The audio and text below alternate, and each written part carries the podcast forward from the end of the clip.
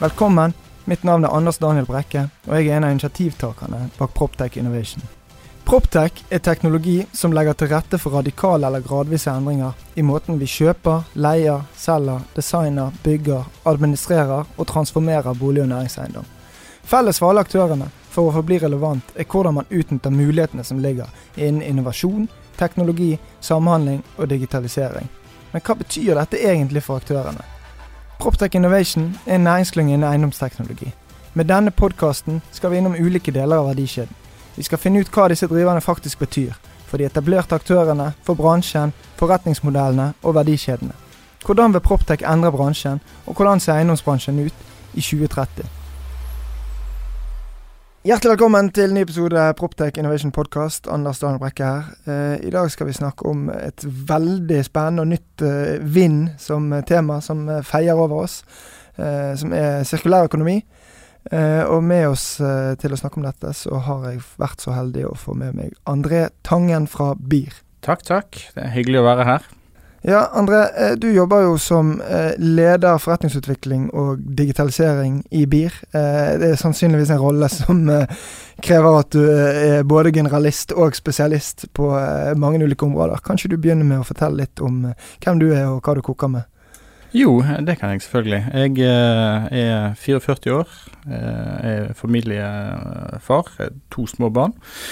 Eh, men min eh, jobb og karriere og eh, utdannelsesmessig bakgrunn, det er at en gang for lenge siden så utdannet jeg meg til bachelor, jeg fikk bachelorgrad i IT. Og den timet jeg sammen med dotcom-boblen. Sånn at da var det ikke så mye jobber å oppdrive. Egentlig heldigvis, sett i ettertid. Så da gjorde jeg litt forskjellig, men så satte jeg meg på skolebenken igjen. Eh, og eh, tok en MBA, eh, som jeg mye mer forretningsmessig fokus på. Og det syntes jeg var mye kjekkere. Um, og når jeg kom tilbake igjen til Norge da, etter å ha tatt den graden, så kom jeg inn i oljebransjen. Og i oljebransjen har jeg vært i ti år, i ulike roller. Uh, I prosjekt og avdelingsleder og litt sånn forskjellig. Men um, så kom nedturen der òg, da. I, så i 16 så var det slutt, for min del. Eh, da måtte jeg gå fra Aker Solutions, og så fikk jeg heldigvis muligheten til å begynne i BIR i 2017. Så 1.1.2017 begynte jeg i BIR. Og så den rollen jeg har der, den har jo eh, forandret seg etter hvert. Var ikke, han er ikke det han eh, er i dag, når jeg begynte. Eh, men det er jo en utrolig spennende reise å være med på. Ja, Kan ikke vi ta litt om, om BIR først? For jeg kjenner jo BIR ganske godt etter hvert, og vet jo at det er jo utrolig mye, utrolig mye kulere og mer framoverlent selskap enn det Bergen interkommunale renholdsselskap egentlig er. Så kan ikke du fortelle litt om, om BIR og, og, den eh, transformasjonen og det som er gjort og skjedd i, i, i et tradisjonelt renovasjonsselskap eh, med lang, lang historie de siste årene? Ja, nei det er jo nesten litt utrolig å tenke på at ikke alle kjenner BIR så godt som uh, vi gjør. Men, uh, men, jo, det har skjedd mye i. Uh, BIR er jo et konsern nå, organisert som et konsern. det hadde jo sitt utspring i etat, renovasjonsetaten. Uh, og ble organisert som et konsern med ulike selskap som, av, som har ansvar for ulike deler av, av verdikjeden. Det som er litt unikt med BIR, det er noen, flere ting. Men det ene er at vi har kontroll på hele verdikjeden sjøl. Disse selskapene som er i konsernet, de håndterer fra oppsamling og håndtering, sortering, videreforedling osv. Og ingen av de delene der, at verdikjeden er ubrutt til at vi har eh, tillatt at vi har eh, andre muligheter enn det eh, de fleste i Norge har, iallfall. Eh, og det andre som eh, gjør BIR litt unik, er at vi har drevet på med datainnsamling ganske lenge. Fra 2009 så begynte vi å registrere data på husholdningene og tømmefrekvens på dunkene. Og det har gitt oss eh, Den datagrunnlaget gir oss mye muligheter. Og det ene eh, av de tingene som vi har gjort på bakgrunn av dette, som er um, unikt i Norge, det er det at da har vi innført en, uh, en fleksibel gebyrmodell. Som betyr det at du som uh, husholdning har et insentiv til å redusere restavfallsmengden din mest mulig. Fordi at uh, jo færre ganger vi tømmer dunken din, jo lavere er gebyret ditt. Det som liksom pay as you throw-modell. Eh, ja. Og det har jo resultert i eh, Innføringen den resultert i f.eks. 4000 eh, tonn eh, besparelse på restavfall. 9% reduksjon. Og 24% økning i innsamlet plast, f.eks. Mm. Jeg, er ekstremt imponert over at man eh, kan få til eh, en sånn transformasjon i et, eh, en sånn moden og etablert bedrift, sprunget ut av byråkrati og kommune. Ja, det er, det er gjort en kjempejobb der. Og nå har jo vår tidligere direktør Steinar Nevde, han gikk jo av som pensjonist her i, før sommeren, så han har gjort en formidabel innsats. Så det, det vi er spent på nå i, eh, i BIR, er jo eh, den nye strategien vår, som er, er rettet inn mot sirkulærøkonomiske eh, aspekter. Og eh, nå har vi brukt mye tid, og mye god tid, på å bygge et konsern. Nå må vi videreutvikle konsernet for å møte fremtidens utfordringer. Ja, og da begynner det å bli spennende. Eh, for det du eh, sier er jo at man har kontroll, eller kontroll og kontroll, men man er etablert i hele verdikjeden. Så man kan styre hele verdikjeden. Men den verdikjeden fra da innsamling til eh, resirkulering, eller eh, hva man må si, den er jo forholdsvis linær. Eller har i hvert fall vært. Og nå skal den bli sirkulær, og derfor skal vi snakke sirkulærøkonomi. Så hva, ja, fra ditt perspektiv nok, hvordan begynner man? i det hele tatt på å begynne å se på dette eh, sirkulært, når det har vært linært så lenge? Først Anders, vil jeg takke for det enkle spørsmålet. Ja, bare hyggelig. uh, men uh, jeg tror vi skal ta et steg tilbake uh, først, før vi kommer på en måte inn i BIR sin bransje. Mm. Fordi at 80% av potensialet for sirkulærøkonomi, for resirkulering, det skjer før det kommer inn i vår bransje. Altså fra produktet blir designet og produsert og materialvalg, alt det der. Sånn, så det er viktig å ta med seg. Eh, og EU definerer jo sirkulærøkonomi som sektorovergripende samarbeid. Mm. Altså, vi kan sitte på vår lille due på vår lille bransje og gjøre det beste ut av det, men det, det monner lite i det store perspektivet. Mm. Men når det er sagt eh, Når det kommer inn til oss, da, så har jo vi ulike initiativer eh, for å eksemplifisere det som vi prøver å få til da, innenfor sirkulærøkonomi. Bl.a. at vi eh, eh, Blir bedrift samler inn eh, matavfall fra storkjøkken. Og, eh, og prosesserer dette og eh, sender det videre til et selskap som heter Invertapro, som blir eh, også en deleier av. Og Inverterpro bruker dette som fôr for laveproduksjon. Mm. Og den laveproduksjonen den produserer da ulike ting. Han produserer proteiner som vi ønsker skal brukes som en del av laksefôret. For å øke eh, proteinandelen der. Der blir jo nå brukt soya. Og, og soyaen eh, de, Laksen har problemer med å bryte ned protein fra soyaen, for tarmsystemet er ikke laget for å bryte det ned, for å si det sånn. Mm. Eh, og det skaper noen problemer. Eh, så for laksefôr, eh, og vi har jo den her eh, De har blitt brukt som eh, ingrediens for disse brød, brødet som er besolgt, mjølbillebrødet. Og det er også gjødsel, blome, eh, som ble kåret til årets hageprodukt i 2019, tror jeg det var. Ja, Så de som, har, de som, har, greie på dette, de som har skikkelig grønne fingre, de elsker det. Jeg forteller meg nå at bier har en finger med i spillet på årets hageprodukt. Ja, det er helt riktig. Det det vi, nei, og så har vi òg eh, et annet uh, selskap, uh, Greentech, uh, som vi er med i. Og der bruker man alge, for, altså matavfall for algeproduksjon og CO2-fangst. så, det, så det er mye som skjer i BIR. Eh, og BIR ønsker å, å støtte opp under eh, vestlandsbedrifter som har gode, innovative eh, løsninger og ideer som grenser opp til vår verdikjede og innenfor det sirkulære økonomiske bildet. Ja, for du, og dette er et godt poeng. Uh, dette med uh, at det er hva var du kalte det, sektorovergripende mm. uh, hvis man skal lykkes med dette. og det henger jo helt åpenbart sammen med FN sine mål osv. Uh, for det, det, nytter ikke å se på dette i siloer, fordi at alt henger jo sammen. Og det er jo hele grunntanken i en sirkulærøkonomi. Mm. er at Du må helt tilbake til egentlig til sjampoprodusenten og hvilket avfall genererer det inn. Det skjer veldig mye med den sjampoen før han havner på bordet deres. Mm. Uh, og dette er jo Jørgensen Pedersen, uh, eh, NHH, har jo prøvd å messe om. I, mm. I, 15 år er det vel blitt etter hvert. Uh, så, og Her kommer det med veldig gode, konkrete eksempler. For jeg opplever I eiendomsbransjen nå så snakker vi bare ta den først. Altså, hva er forskjell på gjenbruk og ombruk? Altså Gjenbruk og ombruk, det er jo om du Dette bordet som vi sitter på, holdt jeg på å si. Om vi tar og bruker det om igjen, altså as is, som det er eller om vi demonterer det og bruker bestanddelene, resirkulerer det og gjør noe annet med det. Mm. Uh, som er vel sånn stor forskjell.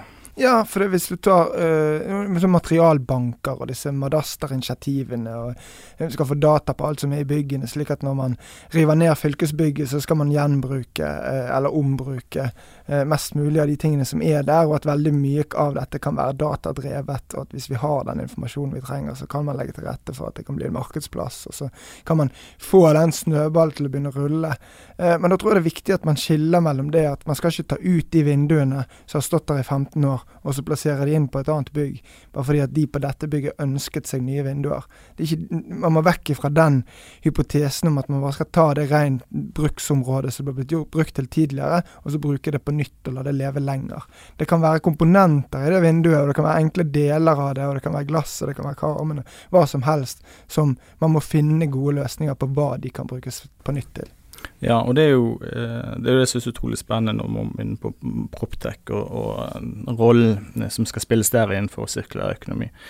Altså, når det kommer til avfallsbransjen og, demontering og riving av eh, da, eh, bygg, så må vi huske på at det vi konkurrerer mot, det er å tømme det i et hull i bakken. Mm. Eller utenfor en skråning, eller hva det måtte være. Og det er ganske billig. Sant? Og eh, en av eh, grunnene til at vi ikke gjør det så mye i Norge, men det gjøres i Norge òg, eh, det er det at vi har ganske strenge reguleringer og forskrifter og, og så videre. Men det er det som er på en måte utgangspunktet. sant? Eh, og hvert år så tas det ut ca. Eh, 100 milliarder tonn eh, råvarer, eller ressurser fra, på globalt basis. Og 11, over, 11, eh, over 11 milliarder tonn det havner i dump, dumper, landfills. Så da må vi tenke sirkulærøkonomi. Ja, det, en ordet der er økonomi. Vi må skape økonomi, sant. Og da kommer denne materialbank og markedsplass inn. Vi må jo klare over tid å vri dette bildet fra å være en, en minusressurs, altså jeg skal jeg besitter denne eiendommen, jeg skal få denne revet. Jeg må betale for å bli kvitt det. Konkurransen er at eller, eh, Rimeligste alternativ er å dumpe det i bakken. Til at dette eh, blir slik at jeg skal eh, kvitte dette bygget. Hvem betaler mest for det? Her inne i dette bygget, vi har en materialbank, det er klassifisert, vi vet hva som er her. Folk kan by selskaper kan by på eh, komponenter eller deler eller hel, altså av, av, bygget, og så blir det demontert. Og så er en annen viktig ting. Vi må ta også ting ut av kretsløpet. Altså det som er farlig avfall. Vi kan ikke på en måte resirkulere inn farlig avfall. sant? Eh, fordi at eh, Da vil jo også forbrukerne og, og de som skal eventuelt kjøpe dette, miste troen på det som blir resirkulert. Sant? Oi, nei, det, jeg har hørt at det er farlig avfall. Eh, fare for det å finne det i resirkulert resir, resir, produkter. Så, så, men å skape den markedsplassen enormt viktig. Ja, og da må det være eh, økonomiske insentiver. For da kommer bransjen, mm. Eh, og da kommer aktørene. Eh, helt åpenbart. Men ja, hvordan får vi det til? Apropos vanskelige spørsmål. Ja, ja, ja. Nei, men altså, I overgangsperiode så må jo vi eh, Så er vi nok helt sikkert eh, avhengig av en type eh, stønad eller overgangsordning eller noe fra, fra stat og kommune og fylke. Men over tid, når disse når markedsplassene blir, er etablert, når eh, bransjen begynner å ha kompetanse og erfaring med å faktisk eh, å demontere og klassifisere, og vi har standarder å forholde oss til osv., osv., så, så tror jeg det at eh, eh, det modnes frem et marked som klarer å stå på egne bein, og som kan utkonkurrere eh, alternativ og gavetull. og ja, tenker du at dette er naturlig videreutvikling forbir å ta den posisjonen? Ja, det er det. Eh, I bierkonsernbiten eh, så er det et selskap som heter Norsk Riving, som BIR bedrift er deleier av. Og De driver jo med riving og demontering. Og de ser jo på, når de, legger, eh, når de konkurrerer eh, på markedet, så legger de gjerne med et alternativ til riving, som går på demontering. Og det koster litt mer. Altså Avhengig av hva det måtte være, så koster det litt mer eller mye mer. Men man begynner å se at markedet responderer. Sant? At det er aktører som sier ja, vi er villige til å betale ekstra for å få dette eh, demontert fremfor å revet og kastet på fyllingen, holdt jeg på å si. Sånn, sånn at eh, Aktørene der ute eh, begynner å bli litt miljøbevisst, og hvis vi nå klarer å kombinere liksom eh, eh, vår samvittighet for kloden sammen med økonomiske insentiver, så, eh, så blir dette her kjempebra. Ja, og vi har jo snakket mye om at uh, vår bransje, da, eiendomsbransjen i vidt begrep, uh, står for 40% av CO2-utslippet. Og så leste jeg inn dagen nå at det totale eh, globale CO2-utslippet eh, fra betong er mer enn flytrafikken. Mm. Eh, og det er et litt annet perspektiv. at Da er vi jo nødt til å løse dette. Vi kan ikke bare ødsle på. Og der kan jo, som du sier, materialbank, gjenbruk og ombruk vil jo spille en helt åpenbar stor rolle i å få ned den type utslipp. Absolutt. Altså, vi, har, vi genererer ca. 12 millioner tonn eh, avfall i Norge per år. Og eh, en fjerdedel av det består, kommer fra bygg, eh, byggebransjen. sant? Eh, til sammenligning så er det 20% som kommer fra privat husholdning. Men det er jo det der. Altså vi må, vi må, finne, vi må finne de Trykke på de knappene som gir mest effekt. sant? det er veldig lett å snakke om ja, ja, hva skal vi si, eh, elektriske løpehjul og, og sånt, og, og liksom heie på miljøet. Og det er jo fint. Eh, og det skaper en, en effekt kanskje litt lokalt. Men hvis vi skal bry oss om planeten, så tror jeg vi må uh, sette innsatsen inn mot kanskje andre Også andre områder. Ja, hvordan, uh, I BIR, uh, hvordan får man med seg organisasjonen? På en så, på, det er jo en ny måte å tenke på, og det krever ganske mye av en organisasjon og et konsern som da er Eh, er organisert som et konsern, der alle egentlig driver sin egen butikk. Eh, hvordan gjør man dette? Ja, Det er en, en god observasjon, Anders. Eh, fordi at selskapene, som du sier, sant? de opererer jo egentlig i en silo. Og de har blitt utrolig flinke til å ta vare på den siloen, effektivisere den siloen. Eh, så det, å, det, som blir utfordringen, er jo å, å måtte prøve å vri blikket fra kostoptimalisering til ressursoptimalisering. Og ressursen den går jo flyter på tvers av siloene. Og der er det klart at der er det eh, potensialet i BIR som eh, mange andre steder for å, å øke det fokuset på tvers. Og, men heldigvis da, så har vi den nye konsernstrategien som setter fokus på dette. Så jeg tror at eh, vi får eh, mye drahjelp derfra. Samtidig så er jo det sånn at det er mye enklere å få med seg folk på et mål som handler om miljø og sirkulærøkonomi, enn å øke overskuddet med 2,5% sant? Altså det er flere folk som stiller seg i kø for å, å, bidra der. Ja, og de, det, det, er jo et paradoks og gjerne en digresjon, men det, all forskning viser jo at den generasjonen som kommer nå med arbeidstakere opp og frem, så er dette at de er mye mer purpose-driven eh, enn det man har vært tidligere. Eh, og dette i så måte vil jo da gi BIR eh, en kjempemulighet til også å få tak i de smarteste hodene for å knekke på disse problemstillingene. Fordi at man har a, greater purpose enn å bare optimalisere og effektivisere. Det er helt riktig, og det ser vi eh, helt, eh, helt, tydelig på eh, søkermasse på, ulike stillinger som vi legger ut den kvalifikasjonen, den kompetansen som søker nå, er jo helt Altså, vi hadde ikke vært i sjans å få tak i så kloke hoder eh, for ti år siden. Altså, det er ja, vir virkelig flinke folk. Ja, og så er det sikkert helt andre hoder òg enn de som hadde søkt jobb i BIR. de, det, det, er det nok. Men sant, altså, jeg hørte på en podkast fra NH, Leder Taffel. Og der har jo de innført, eh, som de begynte med visst i Harvard, en bachelorgrad eller en eh, fag i bachelor, eh, som del av bachelorgraden, da, i, i lykke. Mm. Hva gir det lykke? Og det er jo litt interessant, sant, for det at eh, OK, NHH, siviløkonomer, eh, veldig flinke folk. Eh, karriere, sant, det er jo en ting som gjerne driver folk, og penger. Men, men det, kommer, det, kommer, de til å klare, mest sannsynlig. Sant? Altså Dette her er veldig skarpe hoder. Men hva gjør de lykkelig? Sant? De, de, begynner å stille altså, eh, Det er ikke bare det at jeg skal tjene penger, men jeg ønsker jo sånn som purpose, som du sier. Mm. Og da, eh, da, tror jeg det at Og jeg, altså, kanskje det er litt sånn Litt sånn teit å si i etterkant, men jeg synes det er mye kjekkere å jobbe med det jeg jobber Altså i den bransjen jeg jobber nå, innenfor eh, renovasjon, sirkulærøkonomi og den purposen der, enn når jeg ser tilbake i oljebransjen. sant? Eh, ja da, sant, eh, viktig bransje for Norge og masse arbeidsplasser og alt det der. Men du har et Du er litt lettere i hjertet mm. med å jobbe utenfor oljebransjen, uh, syns jeg for deg, da. Ja, nei, men det er vel udiskutabelt når vi er kommet hit i 2020. Eh, og 2020 skulle jo bli bærekraftens år, hvor alle skulle ta posisjonen som det mest bærekraftige selskapet i verden. Eh, så kom korona, da, da var det plutselig ikke eh, så mange som snakket om bærekraft lenger. Men vi ser jo nå bl.a.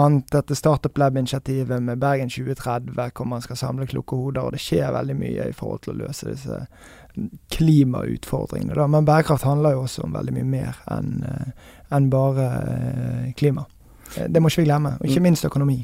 Ja, ikke minst økonomi. Og det var, det, det, altså, eh, jeg synes, Vi var jo begge på Du har jo vært på flere studieturer, da, selvfølgelig, Anders. Du er jo en heldig kar. Men, men vi var jo begge på den ene, iallfall. Så var det liksom gjerne foranledningen til klyngestarten mm. på Poptech Innovation.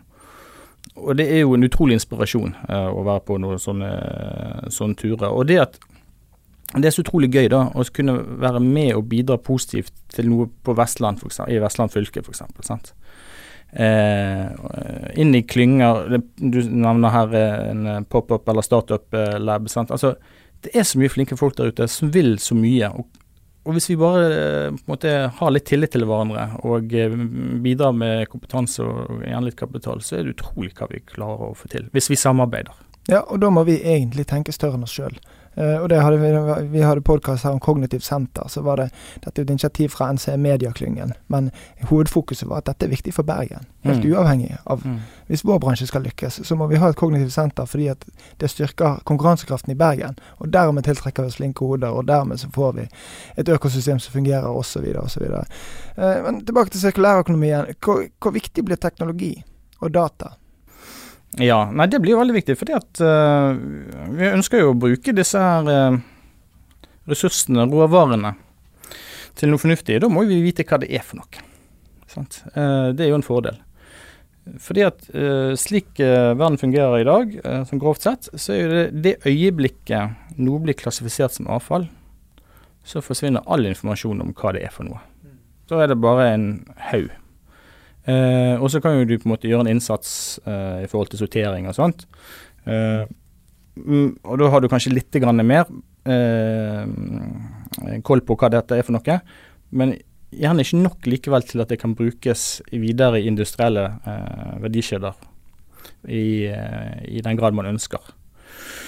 Så vi må jo da kunne klare på en måte å spore produktet innholdet, råvarene, fra det blir eh, laget til det skal bli resirkulert.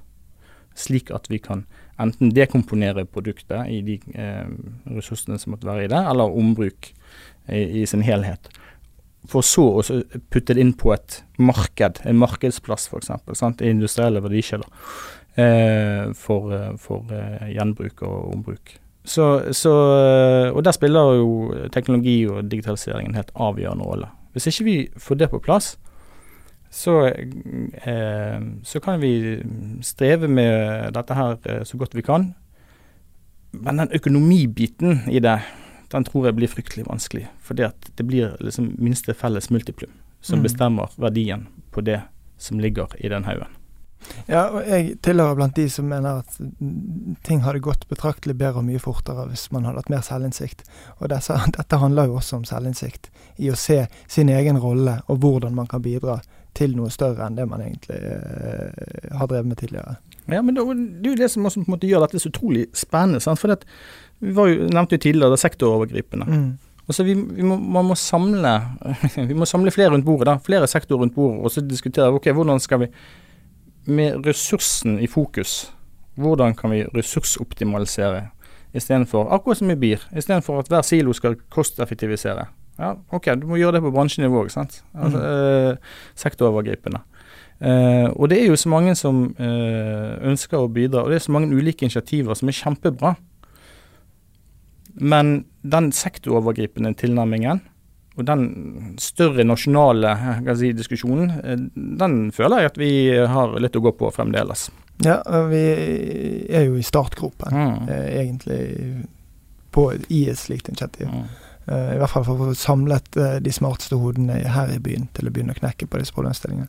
Men eh, nærmere slutten. Se mot 2030, da. Hvor er vi da? Ja, hvor er vi da? Nei, da eh, Jeg er jo en utålmodig kar.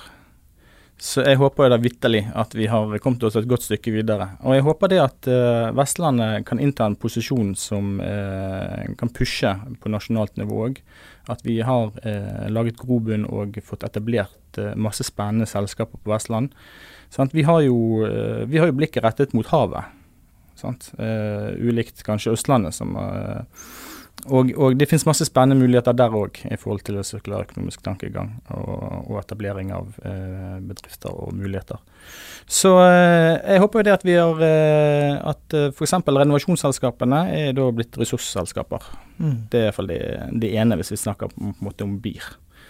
Eh, og at eh, det som eh, Og at BIR har etablert eh, flere industrielle verdikjeder på, innenfor sirkulærøkonomiske områder.